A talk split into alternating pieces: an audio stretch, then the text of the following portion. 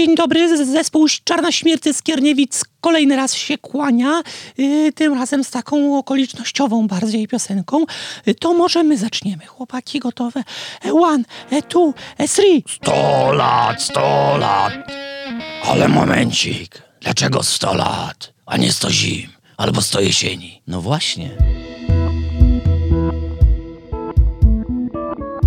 Język polski. Uczą się go ponoć niektórzy Japończycy tylko po to, aby pokazać przyszłemu pracodawcy, że potrafią opanować najbardziej skomplikowane rzeczy na świecie. Niesamowite. To tak jakby Polacy dla wpisu w CV uczyli się rozdzielania izotopów uranu za pomocą jednej ręki, a drugą graliby w tym czasie rotę na akordeonie. Niby można, ale po co? Nie zmienia to faktu, że polski to jeden z najtrudniejszych języków świata. Wiele z jego reguł jest absolutnie niezrozumiałych dla obcokrajowców, którzy mają to wielkie nieszczęście, że się go uczą. Weźmy wyraz dwa, który w języku angielskim ma tylko jedną formę, czyli to. W polskim po co się ograniczać? Mamy 17 form odmiany. Dwa, dwie, dwoje, dwóch, dwaj, dwiema, dwom, dwoma, dwojgu, dwojga, dwojgiem, dwójka, dwójki, dwójkę, dwójką, dwójce, dwójko. Dwójko brzmi nieco dziwnie, ale jest coś takiego, na przykład w zdaniu Och, nieszczęsna dwójko, dlaczego nie chcesz wyjść na światło dzienne? Czy to przez ten biały ryż z bananami, który ciągle jem na kwarantannie? Pierwszy przykład, który mi przyszedł do głowy. Na obcokrajowców czekają też niespodzianki przy używaniu liczby mnogiej. Mówimy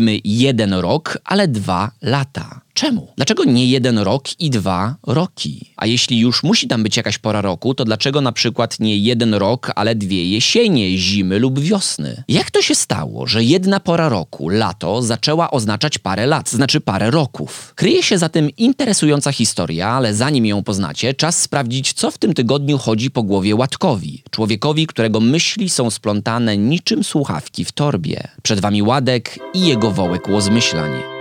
Jako dzieci byliśmy pod wielkim włażeniem, jak dołośli potrafią poładzić sobie z tyloma rzeczami. Jako dołośli jesteśmy pod wielkim włażeniem, jak dołośli bardzo nie potrafią poładzić sobie z tyloma rzeczami. Potwierdzam, gdy mój syn prosi mnie, abym mu zamontował antenkę do autka, to robię z tego tak wielkie przedstawienie, jakbym był samym Copperfieldem. Popatrz, synku, jak tatuś zręcznie łączy antenkę z autkiem. Byłeś świadkiem magii. Jednak już nie za bardzo mu się chwalę, gdy pięć minut później ranię sobie rękę, gdy próbuję otworzyć ketchup. Tak, ketchup. Ketchup mnie pokonał. A propos radzenia sobie w życiu. Ciekawe jak poradzicie sobie z zagadką wujka Radka. Proszę Państwa, jako mistrz mowy polskiej mam dzisiaj pytania a propos polszczyzny naszej pięknej. Niezbyt trudne, tak mnie się bynajmniej wydaje. No to jadzie. W wyrażeniu do siego roku występuje dawny zaimek si, co kiedyś oznaczał w języku polskim. A. Ten, co by dawało do tego roku. B. Przyszły, czyli do przyszłego roku. C. Dobry, do dobrego roku. No które? Odpowiedź jak zwykle na końcu, a przed wami gwóźdź programu. Istnieje coś takiego jak supletywizm. Nie chodzi w tym bynajmniej o przedawkowanie supli, czyli suplementów, gdy pracujecie nad bajcepsami, a ma to związek z językiem polskim. To sytuacja, w której jedna forma jakiegoś wyrazu nie za bardzo pasuje do drugiej. Na przykład liczba mnoga od wyrazu człowiek to ludzie. Dlaczego nie człowieki? Tak samo jest przy naszym roku i latach. Te dwa wyrazy, w przeciwieństwie do polityków i prezesów państwowych spółek, nie są ze sobą spokrewnione. Na początku nie znaczyły nawet tego samego. Co więc oznaczały? Zacznijmy tę opowieść przez burzliwe dzieje języka polskiego od wyrazu rok. Pochodzi on od bardzo starego słowa rzec, czyli powiedzieć. Rok oznaczał więc coś powiedzianego, coś ustalonego, coś wyznaczonego. Zanim oznaczał 365 lub 366 dni, był używany raczej tylko w sądach sądach. Dlatego to, co sąd wypowiedział na zewnątrz, wyrzekł, do dzisiaj nazywamy wyrokiem. Nawet posiedzenia sądu nazywano dawniej rokami sądowymi. Tak samo zaczęto mówić na terminy ustalone w sądzie i to jest klucz dla naszej zagadki. Gdy sąd przesuwał jakiś termin, czyli odroczył go, to ktoś pewnie zauważył, że zwykle to odroczenie dzieje się na mniej więcej 12 miesięcy. Dlatego rok przestał być już dowolnym terminem, chociaż pewnie przez jakiś czas oznaczał każdy. Mogliście więc wtedy powiedzieć: Kochani, e, mamy z Grażyną e, ważną wiadomość. Jesteśmy w ciąży. Lekarz wyznaczył nam rok porodu na 15 lipca. Po pierwsze, zanim się mocniej zdenerwuję, nie jesteście w ciąży. Ona jest. Ty będziesz musiał przecisnąć arbuza przez otwór o średnicy odpływu w zlewie? Nie. Ty przyjmiesz kopniaki w nerki od pływającego kosmity w brzuchu? Nie. Ty będziesz płakał po cichu w poduszkę po tym, gdy usłyszałeś dumkę na dwa serca i się wzruszyłeś, bo hormony ci szaleją? Nie. Ty nie jesteś w stanie nawet godnie przetrzymać przeziębienia, bo umierasz, gdy temperatura przekracza 37 stopni, a w ciąży jesteś? Po drugie, nie możesz już mówić rok porodu jako termin porodu, bo rok przestał już być dowolnym terminem, a zaczął oznaczać ten jeden konkretny, trwający 12 miesięcy. Jak w takim razie w czasach wcześniejszych, gdy rok oznaczał rozprawę lub oznaczony czas w sądzie, mówiło się na 365 lub 366 dni. Używało się określenia lata Boże. Jeszcze 500 lat temu mogliście usłyszeć takie piękne plany na to lato Boże miałem, ale zaraza przyszła i wielki pomór uczyniła. Pewne rzeczy się nie zmieniają. No, ale oni nie mieli wtedy internetu, jednego miejsca, w którym zgromadzona jest cała wiedza świata i nie mogli tego wykorzystać, aby godzinami przeglądać memy o tym, jak koty spędzają kwarantannę. Ciężkie to było wtedy życie. Stwierdzenie lata Boże było tak bardzo rozpowszechnione, że ludzie 31 grudnia składali sobie autentycznie życzenia na nowe lato. Dlatego wtedy absolutnie legendarne życzenia noworoczne brzmiałyby mniej więcej tak. Proszę mi powiedzieć, jakie było dla pana obecne lato i czego pan sobie życzy w przyszłym lecie? Wspaniałe to było lato, nie zapomnę go nigdy. A czego sobie życzę w przyszłym lecie? Tego samego co w tym. Trochę konkretniej. Dużo pieniędzy miałem, dużo piłem wódki, bo bardzo ją lubię i dużo spałem.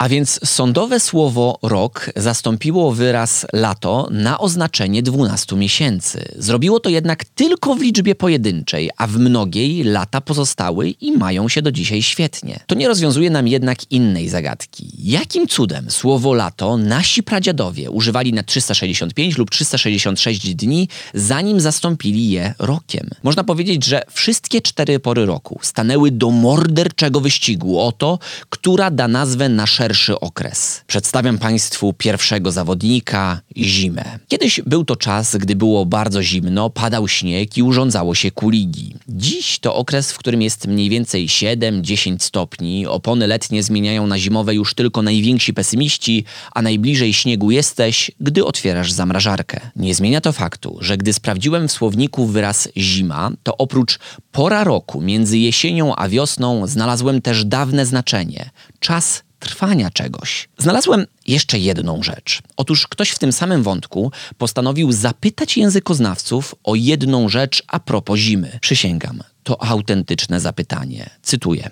Dobry wieczór, mam jedno bardzo proste pytanie. Czy zima rymuje się z dymać i jakiego rodzaju jest to rym? O, dlaczego człowieku ty się nad tym zastanawiasz? Dlaczego piszesz w tej sprawie list do poradni językowej PWN?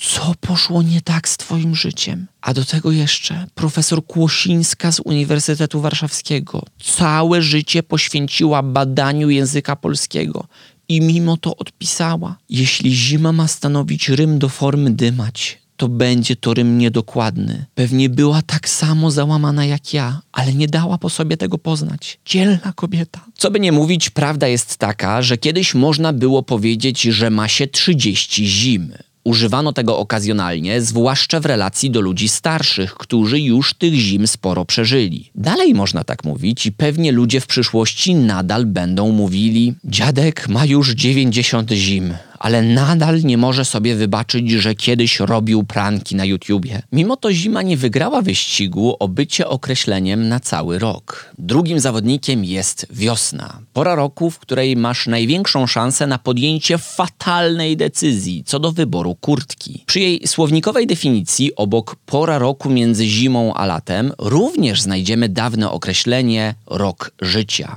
W odróżnieniu jednak od zimy, powiedzenie, że ktoś ma tyle lub tyle wiosen, stosowano głównie do osób młodszych i to już w średniowieczu. Ile ty masz wiosen, młoda damo, że tu dwójka dzieci gospodarstwo po śmierci męża prowadzisz?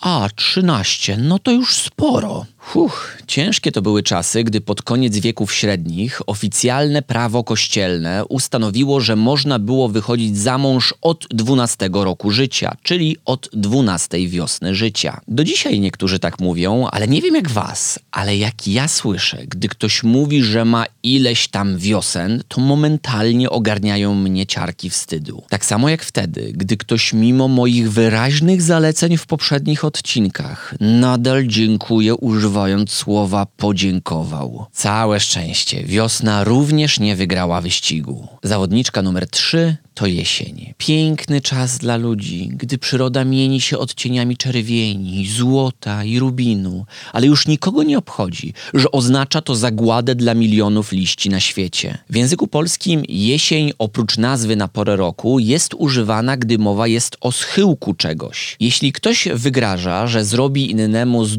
jesień średniowiecza, to ma na myśli, że zamieni jego pośladki w ostatnie lata tej niezwykłej epoki. Tak samo powiedzenie, że ktoś jest w jesieni życia, to takie ładne określenie na to, że niedługo umrze. Natomiast co ważne dla naszego wyścigu, jesień nigdy nie pełniła takiej funkcji jak wiosna czy zima. Nigdy w języku polskim nie mówiło się, że ktoś ma 20 jesieni, więc naturalnie jesień nie mogła wygrać. Zwycięzca jest tylko jeden lato. Bardzo stare słowo w naszym języku, nie pamiętamy nawet skąd się wzięło. Jedni twierdzą, że pochodzi od czasownika lać, czyli padać, na określenie pory dżdżystej, w której mocniej padały deszcze. Inni mówią, że łączy się z prasłowiańskim leto i litewskim letas, czyli z czymś łagodnym, spokojnym i ustępliwym. Nie dowiemy się skąd to słowo naprawdę się u nas wzięło. Wiemy natomiast na pewno, że dawniej używano go szerzej niż dzisiaj.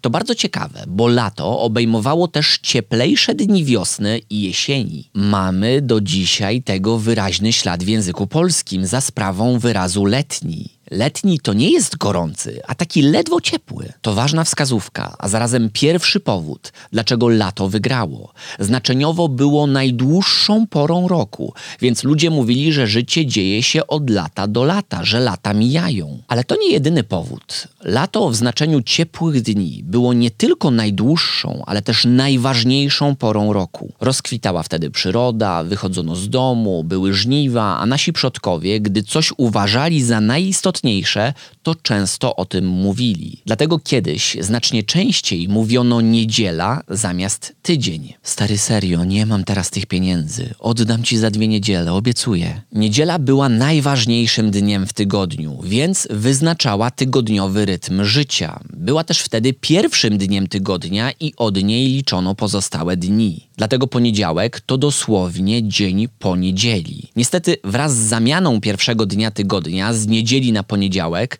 przestaliśmy mówić niedziela na tydzień. Jednak nawet jeśli kalendarzowo lato skróciliśmy tylko do pory od mniej więcej 21 czerwca do 23 września, to i tak zachowało ono swój status i nadal jest na tyle ważne, by odnosić się również do całego roku. Tak to się wszystko potoczyło. Trochę się rozgadałem i pewnie ktoś powie: Ej, nie mogłeś po prostu powiedzieć krótko, że kiedyś rok oznaczał termin sądowy, ale zaczęliśmy tak mówić na 12 miesięcy i zastąpiliśmy tym słowem w liczbie pojedynczej lato, które jednak znaczeniowo kiedyś szersze zostało w liczbie mnogiej. Nie mogłeś tak, co? Mogłem ale nie chciałem. Zadanie na dzisiaj jest proste. Napiszcie w komentarzu, którą porę roku lubicie najbardziej. Urządzimy sobie pod tym filmem coś na kształt złotych myśli. Pamiętacie? Czy już zapomnieliście? Jeśli słuchacie tego w formie podcastu, to po prostu o tym pomyślcie. Tymczasem dziękuję Wam za dzisiaj i idę poćwiczyć rotę na akordeonie. Została nam jeszcze prawidłowa odpowiedź na zagadkę wujka Radka. Tym razem to A. Dawny zaimek si oznaczał ten rok, a więc do siego roku to dosłownie do tego roku. Mam jeszcze ważną prośbę. Kliknij łapkę w górę pod sim podcastem, jeśli masz taką możliwość i subskrybuj si podcast, bo sie działania są naprawdę ważne. Bardzo dziękuję Wam za dzisiaj. Do usłyszenia następnym razem.